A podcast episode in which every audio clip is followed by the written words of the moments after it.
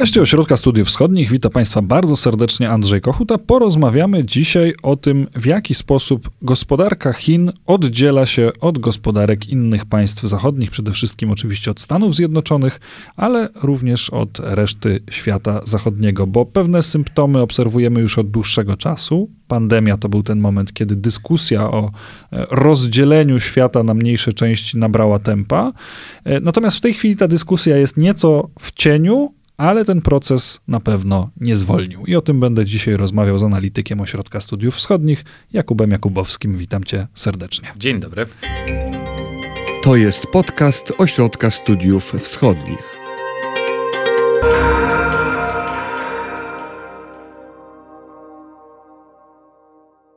Gdzie jesteśmy, jeżeli chodzi o decoupling? Gdzieś mentalnie zatrzymaliśmy się na etapie pełnej globalizacji, połączenia świata na wszelkie możliwe sposoby. Potem przyszła pandemia, lockdowny. Przez chwilę wydawało się, że świat stanął na głowie. Potem jednak okazało się, że z pewnymi problemami, oczywiście obserwowaliśmy zakłócenia łańcuchów dostaw, róż, rozmaite logistyczne problemy, ta globalizacja jednak zaczęła wracać, no właśnie, na stare tory, czy jednak zmiany były już nieodwracalne? Gdzie jesteśmy? Jakbyś tą sytuację e, krótko opisał? Jeśli mamy patrzeć na w ogóle miejsce Chin w świecie, w globalizacji szeroko, to mamy tu do czynienia z pewnym paradoksem. To znaczy, jeśli patrzymy na stopień połączenia Chin ze światem poprzez handel, czysty udział handlu, wielkość handlu, to tak naprawdę te dyskusje sprzed dwóch, trzech lat, e, czyli więcej, czasów Trumpa, wielka wojna handlowa, zmuszanie firm do wychodzenia z Chin, e, zrywanie łańcuchów dostaw. Mm, te, te efekty, które tam zaczęły się powoli pojawiać, one zostały przykryte zupełnie przez zupełnie nową e, rzeczywistość gospodarczą związaną z COVID-em. Ponieważ COVID sprawił, jeżeli spojrzeć na świat zupełnie z makroperspektywy, to mieliśmy do czynienia w 2020 roku z następującą sytuacją. E, epidemia, pandemia wybuchła w Chinach.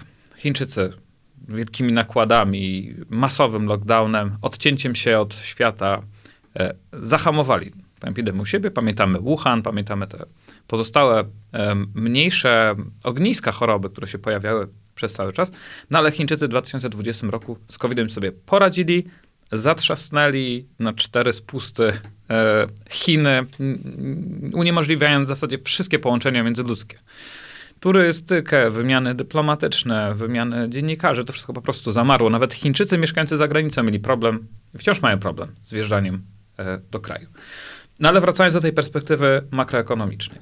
Nagle okazuje się, że świat, który z różnych powodów politycznych, różnych kulturowych, dynamiki całej sytuacji nie wchodzi w pełny lockdown, czyli nie zahamowuje wirusa, ale wprowadza te częściowe lockdowny, Szczególnie państwa rozwinięte, nazwijmy je globalną północą, e, Europa, Stany Zjednoczone, zamykają się w domach, ale jednocześnie rządy podejmują decyzję o bezprecedensowej stymulacji konsumpcji. Założenie jest takie, e, wchodzimy w ogromne lockdowny, ale nie możemy sobie pozwolić na to, żeby to zdewastowało nasze gospodarki. No więc ludzie zostają w domach, usługi zamierają, nikt nie jeździ na wyjazdy, nikt nie wychodzi do klubów, nikt nie chodzi do kina. E, pieniędzy, patrząc makro, oczywiście to różnie przebiegało, ale generalnie wszyscy mają dużo. No i co robią? Kupują. Wchodzą do internetu, wchodzą na Amazona, na Allegro, na Alibabę i kupują rzeczy. I to było ewidentnie widać wówczas. E, I to sprawiło, że gospodarki takie jak chińska, ale również Polska, notabene. No, no przede wszystkim Chiny, to, to tutaj się objawiła cała moc tego. Y, gospodarki, które produkowały tak zwane dobra trwałe, dobre konsumpcyjne, e, meble, elektronikę, no wszystkie te rzeczy, które zapewne wiele z nas, osób, przez te dwa lata kupowało, siedząc w domu i kompletując sobie e, dom doniczkami, albo kupując nową elektronikę i tak dalej, i tak dalej, meble.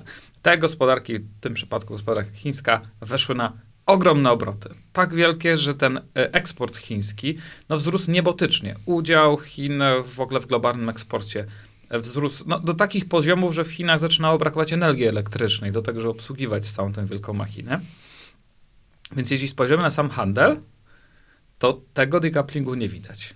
Ale jeśli spojrzymy na całą resztę globalizacji, połączenia technologiczne, międzyludzkie, informacyjne, to Chiny absolutnie się zamykają. I w stosunku do tego, co widzieliśmy rok, dwa czy trzy lata temu, jesteśmy znacznie dalej od Chin w praktycznie każdym aspekcie. I w tym tkwi ten paradoks, o którym mówiłem. Handlujemy coraz więcej, takie najprostsze wskaźniki do globalizacji mówią wcale nie, Chiny się nie wypinają, ale już ta cała reszta y, przyspiesza wręcz oddalanie się Chińczyków y, od reszty świata. Prześledźmy to, jak, jak w różnych aspektach się to objawia, gdzie widzisz wyraźne sygnały tego, że Chiny rzeczywiście się izolują, że są już od nas bardziej oddzielone, są, jak rozumiem, dalej informacyjnie, są dalej, jeżeli chodzi o wszelkie wymiany uniwersyteckie. Gdzie, gdzie widzisz objawy tego narastającego decouplingu? To, co trzeba powiedzieć na, na początku, to jest to, żeby nie patrzeć na ten decoupling, na to wycięcie, odcięcie, wypięcie z globalizacji, tylko w kategoriach tego, że Amerykanie z powodów geopolitycznych wypinają Chińczyków, a Chińczycy się trzymają kurczowo tej globalizacji i wcale tego nie chcą. To nie jest jednostronna, to, to nie jest jednostronna y, proces. To nie jest tak, że tylko Zachód się chce odpinać od Chin. W niektórych polach, za czym zaraz powiemy, dokładnie tak jest. Ale w innych polach to Chiny same próbują odpiąć się od Zachodu. Y, Czasami to miało miejsce już y, lata temu, czy dekadę temu. Proszę spojrzeć na internet.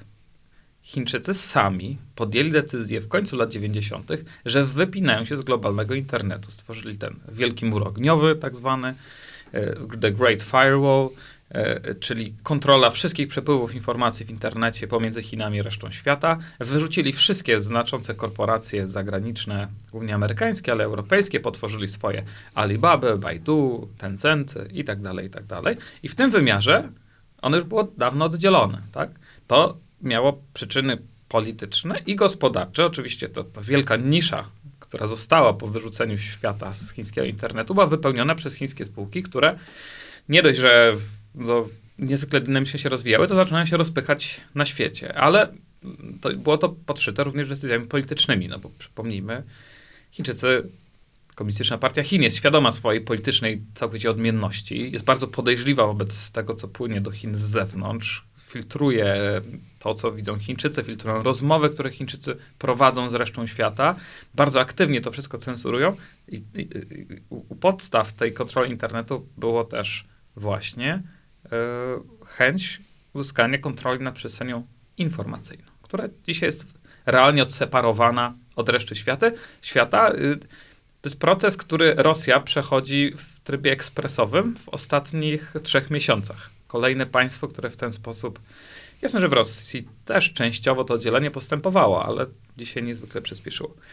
Ale no, mówię o tym przykładzie, tylko żeby pokazać, że to nie jest tak, że Chińczycy są ze świata wypinani. Oni również aktywnie chcą się ze świata wypinać i powiem więcej, robią to coraz szybciej. I tak naprawdę mamy taki znów paradoksalny trochę obraz sytuacji, w której no, uprośćmy to, powiedzmy, że Amerykanie, ale ich sojusznicy próbują Chiny wypinać ze świata w jednych obszarach, a Chińczycy to kontrują, a w innych obszarach to Chińczycy próbują się wypiąć ze świata sami. I daje nam to pewien miks, a- który sądzę, że gdyby podsumować całość i przejść, mam nadzieję, że zaraz to zrobimy, przez te obszary jeden po drugim, technologiczny, informacyjny, wymiany międzyludzkiej. Jeżeli to wszystko razem weźmiemy w całość, dodamy te czynniki polityczne, czynniki covidowe i pewne procesy deglobalizacyjne, które się dzieją po prostu tak podskórnie e, już od dłuższego czasu, to sądzę, że ten dystans jednak się zwiększa i Chiny cały czas coraz bardziej się oddzielają. No dobrze, to może rzeczywiście prześledźmy te kolejne obszary. Technologia. Ja będę rzucał hasła, a ty postaraj się powiedzieć, co się wydarzyło. To jest, to jest fascynujący obszar, bo y, w zasadzie te oba, oba, oba te czynniki, o których tu mówiłem, że Chiny same się wypinające e, i Chiny wypinane, one funkcjonują wobec siebie równolegle. To znaczy, zacznijmy od tego wypinania Chińczyków i co trzeba powiedzieć, to jest pewna fundamentalna ewolucja, e, ewolucja, nie rewolucja, ewolucja polityki amerykańskiej wobec Chin. Porównajmy sobie czasy Trumpa do czasów Bidena. Trump miał dosyć prosty pogląd na świat. Chiny trzeba wypiąć od globalnej gospodarki. No i co to znaczy? Żeby nie eksportowali swoich dóbr na świat, żeby ich eksport spadł, więcej było produkcji w Stanach Zjednoczonych. To był dość prosty program polityczny. Ja sobie tak go odczytuję. I Trump skupiał się właśnie na tym, na cłach, na tym, żeby skłonić firmy, żeby produkowały gdzie indziej, nie patrząc do końca w jakich sektorach, po prostu szeroką ławą wypinamy Chińczyków. Okazało się, że skuteczność tego jest bardzo ograniczona. Znaczy stopień powiązań wzajemnych w handlu, łańcuchów dostaw, tego, że komponenty i produkty krążą wielokrotnie między granicami. To wreszcie, że jeżeli się z Chin przestanie coś importować, to, się, to trzeba importować skądinąd i tam są problemy, żeby zwiększyć i tak dalej. No, tego typu operacje na handlu stricte jak się okazało, nie przyniosły wielkich efektów. Sposobów w tej globalnej gospodarce na omijanie tych różnych celnych, czy y, blokad, czy, czy embargo jest mnóstwo. I ja sądzę, że taka była konstatacja wielu osób w Waszyngtonie, szczególnie z otoczenia Bidena, że to narzędzie nie jest skuteczne. I dzisiaj nawet dyskutuje się o obniżaniu ceł, bo one powodują inflację, zwiększają ceny. Nie znaczy to absolutnie, że generalny cel został zarzucony. Tu mówimy o środku. Wojny handlowe nie, ale wojny technologiczne to jest coś, co Trump szczególnie pod koniec swojej prezydentury rozwinął. Oczywiście mówię tu skrupnie, bo to rozwinął cały wielki aparat biurokratyczny amerykański, który do tego doszedł. I to jest coś, co przyniósł Huawei. Pewne zrozumienie, że być może najlepszym sposobem na wypinanie Chińczyków najbardziej efektywnym, najbardziej skutecznym, ale też takim, w których Amerykanie mają największe przewagi i możliwości, to są wojny technologiczne i wypinanie technologiczne. Jeżeli spojrzeć na te ostatnie kilka lat, końcówka Trumpa, początek Bidena, mamy tu pełną ciągłość, a nawet narastanie tego. Czyli wybieranie poszczególnych technologii, patentów, własności intelektualnej, która jest zaszyta w zasadzie w amerykańskiej własności intelektualnej, która jest zaszyta praktycznie w każdym nowoczesnym produkcie. E, gdzieś tam zawsze u źródeł każdego telefonu, komputera, sterownika, satelity istnieje jakiś program DARPA ze Stanów Zjednoczonych z lat 80., 90. czy 2000 i ostatecznie gdzieś ten, ten, to ziarno amerykańskie, a często w ogóle podstawy tego tam tkwią. I y, Amerykanie używali tego jeszcze w czasach zimnej wojny. To prawodawstwo w ogóle, żeby to robić, ono tam istniało, ale myślę, że to, co przyniosła sprawa Huawei, czyli technologiczne polowanie na największą, najważniejszą chińską spółkę e, technologiczną, do nowych technologii, ono się opierało właśnie na tym, żeby odcinać Chińczyków od kluczowych e, właśnie kluczowe technologii, którymi kontrolę mają Amerykanie i sądzę, że tutaj Biden tylko i wyłącznie to rozwija. Katalog chińskich spółek, które w ten sposób znalazły się na amerykańskim celowniku, na, na rozlicznych listach, na których jeżeli dana firma się znajdzie, to traci dostęp do amerykańskich technologii, to się tylko i wyłącznie powiększa i powiększa. Ma to całkowicie wymiarne, globalne konsekwencje, bo to też trzeba wiedzieć, jak działają te wojny technologiczne. To znaczy, to nie chodzi o to, że amerykańska firma A z terytorium Ameryki nie może czegoś sprzedać do Chin. To też oczywiście i w pierwszej kolejności. Ale cała siła tego polega na tym, że jeżeli Amerykanie taką sankcję wdrażają, to japońska firma, która używa tego patentu albo tego software, kawałka software'u amerykańskiego, czy koreańska firma, czy holenderska, czy niemiecka, czy peruwiańska, też nie mogą sprzedawać tych rzeczy e, do Chin, bo same stracą dostęp do tej amerykańskiej technologii. Więcej, i to jest chyba najciekawsze z tego wszystkiego, same chińskie firmy są w tym reżimie sankcyjnym, kiedy Amerykanie powiedzieli Huawei'owi nie wolno sprzedawać procesorów. Jeżeli ktoś chce sprzedawać Huawei procesory, musi dojść, przyjść do, y, do Waszyngtonu, złożyć wniosek i on zostanie rozpatrzony. Jeżeli złamie tę sankcję, to nie tylko utraci możliwość produkowania procesorów dla Chińczyków, ale dla wszystkich innych klientów również. I to spowodowało, że nie tylko tajwańscy, koreańscy, japońscy czy europejscy producenci wpadli w ten reżim, ale i same chińskie firmy produkujące wewnątrz Chin. I yy, no, mieliśmy sytuację, gdzie największy producent procesorów chiński zgłosił się do Waszyngtonu z prośbą, czy z własnych fabryk w Chinach może wysyłać procesory do fabryk Huawei w Chinach. No, Waszyngton się nie zgodził. Natomiast y, ważne jest, żeby to widzieć, że na, na polu technologicznym y, to postępuje. Postępuje, rozkręca się, biurokracja amerykańska tym się zajmująca tylko się rozwija. Oczywiście to jest operacja na żywym organizmie, to są sploty interesów całego świata rozwiniętego. Nie jest to proste, ale moim zdaniem postępuje i Chińczycy tracą i będą tracić dostęp do najbardziej e, wrażliwych technologii. Ale jest tutaj ten drugi, też również ta druga strona, to znaczy sami Chińczycy próbują niejako uprzedzająco widząc, co się z nimi dzieje, widząc, dokąd to zmierza, uprzedzająco sami się wypiąć, zanim zostaną wzięci na celownik. I znajdą się w sytuacji rosyjskiej, obecnej, gdzie nagle zabraknie im amerykańskich komponentów albo zachodnich komponentów i pewne procesy będzie trzeba po prostu zatrzymać, bo nie będzie z czego budować pralek.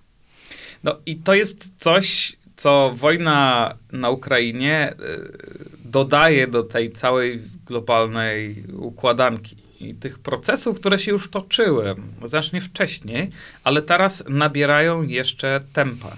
E, już dziś płyną z Chin sygnały, że e, przywództwo Komunistycznej Partii Chin zleciło szeroko zakrojone badania e, w następującym kształcie. Załóżmy, że dotykają nas sankcje amerykańskie i amerykańskich sojuszników o skali podobnej do rosyjskich. Gdzie się znajdujemy gospodarczo? To jest pytanie, które dzisiaj zadają sobie Chińczycy. I yy, tak jak mówię, Ukra- wojna, yy, napaść Rosji na Ukrainę i ten przyspieszony decoupling i wypięcie Rosji z globalizacji, które obserwowaliśmy teraz, to jest katalizator tych wszystkich procesów. Chińczycy jeszcze więcej uwagi, środków, woli politycznej poświęcą na to, żeby właśnie uprzedzająco stworzyć sobie coś, co oni nazywają podwójną cyrkulacją. To znaczy taki wewnętrzne, je, te, te, dwie cyrkulacje można wytłumaczyć w ten sposób. Istnieje taki, czy ma istnieć takie wewnętrzne serce chińskiej gospodarki, które jest w jakiś sposób autarkiczne, jest niezależne od świata. Są tam kompletne łańcuchy wartości w całości oparte na chińskich technologiach, chińskich dostawcach, chińskich surowcach, to znaczy takie, których Amerykanie nie będą w stanie przeciąć ten sposób, jak robią to dotychczas. Do tego te produkty mają być jeszcze sprzedawane chińskim konsumentom i chińskim firmom, tak żeby popyt również znajdował się w Chinach. To ma być to, to serce gospodarki, większa jej część, która jest jakby od świata niezależna. I, I ta wewnętrzna cyrkulacja ma być otoczona tą drugą cyrkulacją, gdzie Chińczycy utrzymają pewne kontakty ze światem w jakichś niestrategicznych obszarach, w tam konsumpcyjnych dobrach, w wszystkich tych rzeczach, gdzie to Chińczykom nie zagraża. Tam oczywiście te kontakty ze światem mają istnieć, tam zagraniczni inwestorzy mogą mieć oczywiście możliwość działania, czyli takie wyjście jedną nogą z globalizacji, ale na własnych zasadach. I znów y, to, co widzimy, to jest e, wypinanie się Chińczyków, próba robienia tego na własnych zasadach, różnymi sposobami oczywiście. Ogromne inwestycje w technologię, oczywiście ogromnej skali szpiegostwo przemysłowe, rzeczy, które Chińczycy robili już dotychczas, ale i więcej. No, granie na ostro. Jeden z moich ulubionych przykładów, wracając do półprzewodników, e, firma ARM, e, jeden z to, to firma oryginalnie brytyjska z kapitałem też japońskim, projektująca e, procesory w Chinach, która e, dostarczała je między innymi Huawei'owi. To było joint venture, czyli wspólna firma z zagranicznym i chińskim kapitałem. I w pewnym momencie, kilka lat temu, zagraniczni inwestorzy stracili nad nią kontrolę. Chińczykom tak potrzebna była ta technologia, że postanowili po prostu nie wiem jak to nazwać, porwać tę firmę.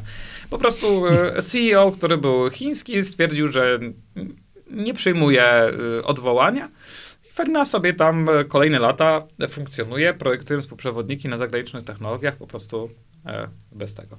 No ale to jest ten wymiar technologiczny, a to, co COVID nam e, przyniósł, to są, to, to są kolejne wymiary tego wypinania, choćby ten czysto międzyludzki. No właśnie, to przejdźmy do tego. Rozmawialiśmy o blokadzie informacyjnej, którą Chiny same sobie narzuciły. Rozmawiamy o tym wymiarze technologicznym, gdzie zderzają się prądy chiński i amerykański. Amerykanie nie chcą przekazywać części swoich wrażliwych technologii Chińczykom. Z drugiej strony też widzą, że to jest to miejsce, gdzie mogą w Chiny uderzyć. Chiny po swojej stronie chcą budować własną niezależność. Gdzie jesteśmy w tym trzecim wymiarze, czyli jeżeli chodzi o relacje międzyludzkie? I to jest e, wymiar, który chyba najbardziej wszystkich nas zajmujących się Chinami dzisiaj dotyka. To znaczy, nie dość, że ostatnie ponad dwa lata w zasadzie nikt zajmujący się Chinami w Chinach nie był. Chyba nikt, nie znam nikogo, wszystkich ekspertów w Polsce i za granicą. Mm, Co więcej, mało kto ma w ogóle jakiś horyzont, kiedy do tych Chin realnie mógłby e, wracać, bo wynika to z takich dwóch deglobalizacyjnych trendów. Jeden jest czysto covidowy, to znaczy Chińczycy, jak już e, wielokrotnie tu też w e, publikacjach i w nagraniach OSW mówiliśmy, są w jakiś sposób w pułapce tej strategii zero COVID. Tego, że każdy najmniejszy przejaw ognisko wirusa spotyka się z niesamowicie ostrymi lockdownami jakby w, wyczyszczeniem do zera e, tych, tych lokalnych zarażeń. To, co widzimy w Szanghaju od dwóch miesięcy, ludzie zamknięci w domach, ogromne koszty gospodarcze, ludzkie i tak dalej, i tak dalej. Zostawiając to na boku, dla ludzi z zewnątrz, którzy z Chinami mieli kontakty, i nie mówię tylko o ekspertach czy naukowcach, mówię tu o dziennikarzach, menadżerach, naukowcach takich technicznych, które do tych wszystkich rzeczy, o których tu mówiliśmy, technologicznych są niezbędni, ci ludzie utracili kontakt z Chinami. Ci, którzy w Chinach zostali, siedzą tam i nie mogą praktycznie się wydostać. No to oczywiście trochę krążą, tam były umowy dwustronne, Niemcy podpisywały z Chinami pewne porozumienia, żeby kadry menedżerskie mogły krążyć specjalnymi samolotami, ale no, to było na początku COVID-u. Y, Ta sytuacja y, jakby się zaostrza, to co widzimy teraz, szczególnie w tej rundzie lockdownów, to, że e, obcokrajowcy coraz mniej chętnie w ogóle do Chin wjeżdżają widząc to, co się dzieje. Mieliśmy y, gorące łącze między niemieckim konsulatem w Szanghaju, a y, władzami w Szanghaju, gdzie te niemieckie firmy, niemieccy obywatele, tak ciągle wracam do Niemiec, ale Niemcy są bardzo znaczący, jeśli chodzi o zagraniczne inwestycje. No, sytuacja jest dla nich tragiczna całkowicie. Nie mogą przemieszczać swoich pracowników. Ci pracownicy, którzy są w samych Chinach mają problemy z wyjściem z domu, po pierwsze, z zaopatrzeniem, e, nie chcą tam przyjeżdżać. Jeżeli spojrzeć na mm, e, takie statystyki, e, badania prowadzone wśród zagranicznych europejskich firm w Chinach, no to problem z pozyskaniem wykwalifikowanej kadry z zagranicy, żeby utworzyć fabrykę, potrzeba naprawdę wykwalifikowanych robotników, techników, inżynierów, którzy ją w Chinach otworzą i będą nią zarządzać. Ci ludzie nie chcą do Chin jeździć, bo widzą, co się dzieje. Widzą, że ta strategia zero, zero lockdown nie wiadomo kiedy się skończy i że mogą wpaść śliwka w kompot, tak jak setki tysięcy ludzi teraz, czy miliony siedzących od dwóch miesięcy w swoich mieszkaniach, bez możliwości wyjazdu, bez możliwości zakupów, bez możliwości często odnowienia wizy, jakieś problemy konsularne, które się tam piętrzą, bo ci ludzie na przykład tracą, już kończą im się wizy w tych domach, są, zaczynają być nielegalnie w Chinach, nikt się im nie pomaga. No, to są takie szczegóły może z proza życia, ale jeżeli przenieść to na taki makropoziom, no to nagle się okazuje, że te globalne powiązania technologiczne, handlowe, inwestycyjne, które na koniec końców opierają się na ludziach. Pewnych rzeczy na Zoomie nie da się załatwić, czy na Skype'ie. E, I myślę, że na dłuższą metę, i to jest jeden z, e, jeden z takich wiodących wątków debaty na przykład w Europie dzisiaj, tak? czy w samych Niemczech. To znaczy, jak sobie z tym poradzić? Jeśli te Chiny po-covidowo będą tak odrębnym organizmem, od reszty świata, to w jaki sposób realnie prowadzić dalej tę produkcję, w jaki sposób inwestować, w jaki sposób zacieśniać to wszystko. To oczywiście rynek chiński jest ogromny i tak notabene w dyskusjach o tam wychodzeniu z Chin, wyrywaniu tych łańcuchów dostaw, e, zmniejszaniu zależności od Chin, to trzeba to rozdzielić komponenty, które my w Chinach produkujemy, czy surowce, metale ziem rzadkich, te wszystkie rzeczy, od których zagraniczna produkcja zależy od Chin. To jest tylko jeden temat i dla wielu korporacji międzynarodowych wcale nie najważniejszy temat, bo najważniejszym tematem jest utrzymanie zysków na rynku chińskim.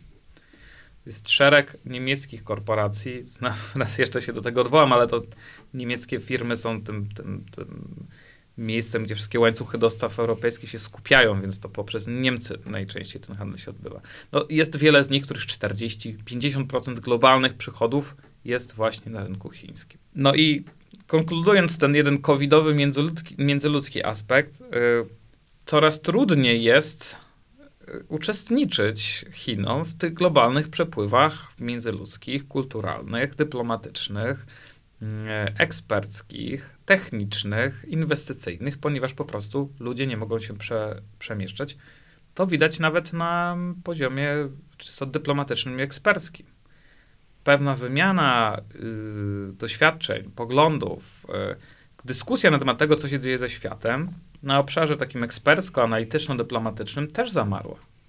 Y, nie dość, że chińscy dyplomaci, eksperci nie wyjeżdżali z Chin przez ponad dwa lata, to jeszcze bardzo długo nie wychodzili z własnych ambasad, bo był problem polityczny. Na Zachodzie nie chcieli, Pekin nie chciał, żeby oni szczepili się zachodnimi szczepionkami. Chińskie nie były uznawane w Europie. No, w rezultacie przez długie miesiące i dyplomaci siedzieli w swoich placówkach. Proszę sobie to jeszcze raz przełożyć na taki poziom makro. Co się dzieje w relacjach dwustronnych, dyplomatycznych, eksperckich? Jakie jest wzajemne zrozumienie, o co nam wzajemnie chodzi w realiach, w których nie możemy ze sobą rozmawiać? I raz jeszcze, rozmowa na Skype'ie naprawdę niczego nie załatwia. Każdy dyplomata, który w czasie COVID-u siedział w swojej ambasadzie i nie mógł wyjść tam przez kilka miesięcy, był w czarnej rozpaczy, bo nie na tym to polega i pewnych rzeczy po prostu nie da się ustalić przez internet. To jest ten kolejny element deglobalizacyjny i takiego oddalania się, który tu widzimy, zależny oczywiście od COVID-u, e, czy tam strategii wobec COVID-u w samych Chinach, która raz jeszcze powtórzę, wygląda na to, że jeszcze z nami chwilę pobędzie. Dokąd nas to wszystko prowadzi? Bo jak rozumiem, handel jeszcze utrzymuje się na wcześniejszym poziomie z różnych przyczyn. Technologicznie prawdopodobnie będziemy się rozcinać coraz bardziej ze względu na bezpieczeństwo technologii po jednej stronie, ze względu na wolę budowania pewnej autarki po drugiej stronie. Informacyjnie już jesteśmy mocno oddzieleni, przynajmniej na takim poziomie społecznym. Chińczycy nie widzą tego internetu, który my widzimy. My ze względu na barierę językową chociażby zupełnie, czy w ograniczonym stopniu wiemy, co się dzieje w internecie chińskim. No i dochodzi do tego ten komponent międzyludzki, tak naprawdę bardzo niebezpieczny. Tak to przynajmniej brzmi z tego, mm, co mówisz, z tego, jak to brzmi, że dwa rywalizujące ze sobą bloki w pewnym sensie, a przynajmniej dwa mocarstwa, czyli Chiny i Stany Zjednoczone, w coraz mniejszym stopniu będą rozumieć swoje własne cele, swoje własne motywacje. Gdzie widzisz jakby koniec tej drogi? Jakie scenariusze ci się rysują, kiedy patrzysz na tą obecną sytuację? Podzielam pesymizm, to znaczy y, na pewno nie sprzyja to y, stabilności. To mówiliśmy przed chwilą o tym poziomie politycznym, dyplomatycznym, moim zdaniem to już zaczyna działać. No. Yy, jesteśmy w niezwykle intensywnym momencie międzynarodowym. Ostatnie trzy miesiące, rozmawiamy w połowie maja. Początek 2022 roku to było więcej wydarzeń o ogromnym znaczeniu niż przez ostatnią dekadę zapewne. Wymaga to bardzo silnych konsultacji, ciągłego sprawdzania, o co chodzi drugiej stronie. No ta, ta globalna plansza ciągle się obraca, a tych rozmów jest relatywnie e, mało. To na pewno nie sprzyja dobrej komunikacji i jakby takiej stabilizacji relacji. Myślę, że między Stanami a Chinami też to e, już widać. To, że Xi Jinping nie spotyka się z zagranicznymi e, liderami od bardzo dawna. Są rozmowy telefoniczne. Oczywiście z Putinem widział się osobiście, co też jest znaczące. No ale powiedzmy, Putin e, jest w tym e, dużo bardziej orbituje już wokół tego chińskiego świata niż, e, niż oczywiście jest pośrednikiem w, relacjach ze Stanami czy z Zachodem. Myślę, że raz jeszcze patrząc na generalne mm, te, te, te połączenia globalne, które z tych Chin wychodzą, tak obrazowo patrząc, dziesiątki, setki, miliony różnych rodzajów połączeń. I moim zdaniem niektóre całe obszary tego będą zamierać. Czy wymiana ta in- informacyjno-internetowa, mm, kwestie newsów, wzajemnego zrozumienia, ewidentnie to wszystko zamiera. Jest odcinane jedno po drugim. To też widać w samych Chinach, gdzie ta przestrzeń informacyjna się cały czas bardziej zaciska. W czasie COVID-u Chińczycy praktycznie wyrzucili większość zagranicznych korespondentów z Chin. Wielu rzeczy już po prostu nie wiemy. E, Wiele osób przeniosło się na Tajwan i z Tajwanu będzie Chiny obserwować, e, a nie już w, nie w Pekinie, ani nie w Hongkongu, ponieważ e, sytuacja dla nich się zrobiła dużo trudniejsza. Chińczycy też przy okazji COVID-u na przykład wszystkim obcokrajowcom zasadniczo anulowali wizy i odnowili tylko części z nich, a część ludzi po prostu musiała wyjechać. I to między innymi tyczyło się dziennikarzy. Coraz mniej będziemy nawzajem o sobie wiedzieć. Na tym poziomie eksperckim, dyplomatycznym też proza życia dla nas w Ośrodku Studiów Wschodnich i dla wszystkich ekspertów na świecie sprawa się również komplikuje coraz bardziej. E, y, Natomiast y, sądzę, że w wymiarze y, tym gospodarczym stricte, handlowym, ale i po części również technologicznym, y, te procesy nie będą aż tak szybko postępować. To znaczy, myślę, że świat, y, duże państwa, które są w stanie podmiotowo dokształtować, nazwijmy je mocarstwami, one wszyscy, wszystkie widzą tę współzależność, widzą już, że współzależności mogą być zamienione w broń, natomiast nie zawsze mają pomysł, jak to wszystko rozplątać. Czasami te węzły globalne są tak ścisłe i y, y, wiążą się z nimi tak wielkie interesy y, korporacji, społeczeństw, no bo mówimy tu o półprzewodniki, no, bardzo szybko można poprowadzić linię od tych wielkich starć na samej górze do tego, że państwo nie mogą kupić samochodu u dealera, bo nie ma tam półprzewodników. Oczywiście częściowo to jest kwestia COVID-u, że tam zaburzenia takie obiektywne, ale częściowo to jest wynik tego, że wielka polityka, że tak powiem, włożyła już łapy do tych łańcuchów dostaw i pewne przy, przyciska to, że są bezpośrednie takie konsekwencje. Flagowca przepraszam, smartfona flagowego Huawei'a już nie dostaniemy w sklepach, bo go nie ma, bo jest to decyzja polityczna. I, i, i, i, I to ma swoje konsekwencje. Decydenci widzą te konsekwencje i widzą, że to jest operacja na otwartym sercu, więc e, czasami jest tutaj, pojawia się pewne zawahanie. To jest taka długa wojna pozycyjna, a nie właśnie, raz jeszcze w stylu trumpowskim, szarża, która miałaby to wszystko wypiąć. Bo myślę, że to, co Trump pokazał, że wola polityczna nie wystarcza, że po prostu nawet najbardziej zdeterminowany polityk zdolny do łamania wszelkich barier mentalnych, gdzieś grzęźnie w końcu, w, te, w, tym, w tym gąszczu splecionych interesów globalnych. Aczkolwiek raz jeszcze, dla mnie trend jest mocno deglobalizacyjny, e, również w wymiarze gospodarczym. COVID to przyspieszył. Wojna na Ukrainie jeszcze bardziej to przyspieszyła i sądzę, że będą się zdarzać kolejne rzeczy. Trudno mi sobie wyobrazić, co teraz miałoby się takiego wydarzyć, żeby y, dużego, mocnego, które miały te trendy odwrócić. Bo to zglobalizowanie to były dekady, dekady bardzo takiego rozproszonego procesu milionów ludzi, firm, którzy optymalizowali pewne rzeczy, przenosili między państwami. Dzisiaj jakby to zaczyna się rwać. Ja sądzę, że zostaniemy jeszcze przez relatywnie długi czas w takim splątaniu, które sprawi, że zawsze trochę y, chłodniej będziemy na to patrzeć. Miejmy nadzieję, że tak będzie. Ale z drugiej strony w wymiarze międzyludzkim, politycznym, społecznym, trudno mi sobie wyobrazić, żeby Chiny e, otwierały się na świat. Bardziej chyba te ostatnie dwa lata, y, czy kilka lat, czyli zaostrzenie konfliktu ze Stanami, z Zachodem, takie podgrzanie atmosfery, taka, taki ferwor ideologiczny wewnątrz Chin. Potem COVID i zamknięcie, odcięcie, przyzwyczajenie powoli ludzi, że tych kontaktów nie ma już tak dużo. Teraz wojna na Ukrainie, która znów w jakiś sposób mobilizuje e, w Chinach, odbierana jest jako atak Ameryki na Rosję i jakby gotu, gotuje się mentalnie na kolejne takie ataki na siebie Chińczycy. Wszystkie te kolejne rzeczy sprawiają, że sądzę, że Chiny coraz bardziej się jednak zamykają, e, choć będą z nami połączone. Jakub Jakubowski, Ośrodek Studiów Wschodnich. Bardzo Ci dziękuję za tą trochę pesymistyczną, a nawet może bardzo pesymistyczną, ale wydaje mi się, że ważną również dla naszych słuchaczy rozmowę. Dziękuję bardzo.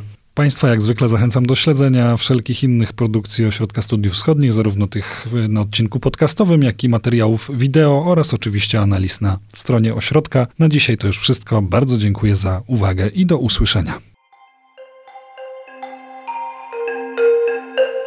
Wysłuchali Państwo podcastu Ośrodka Studiów Wschodnich. Więcej nagrań można znaleźć na stronie www.osw.waw.pl.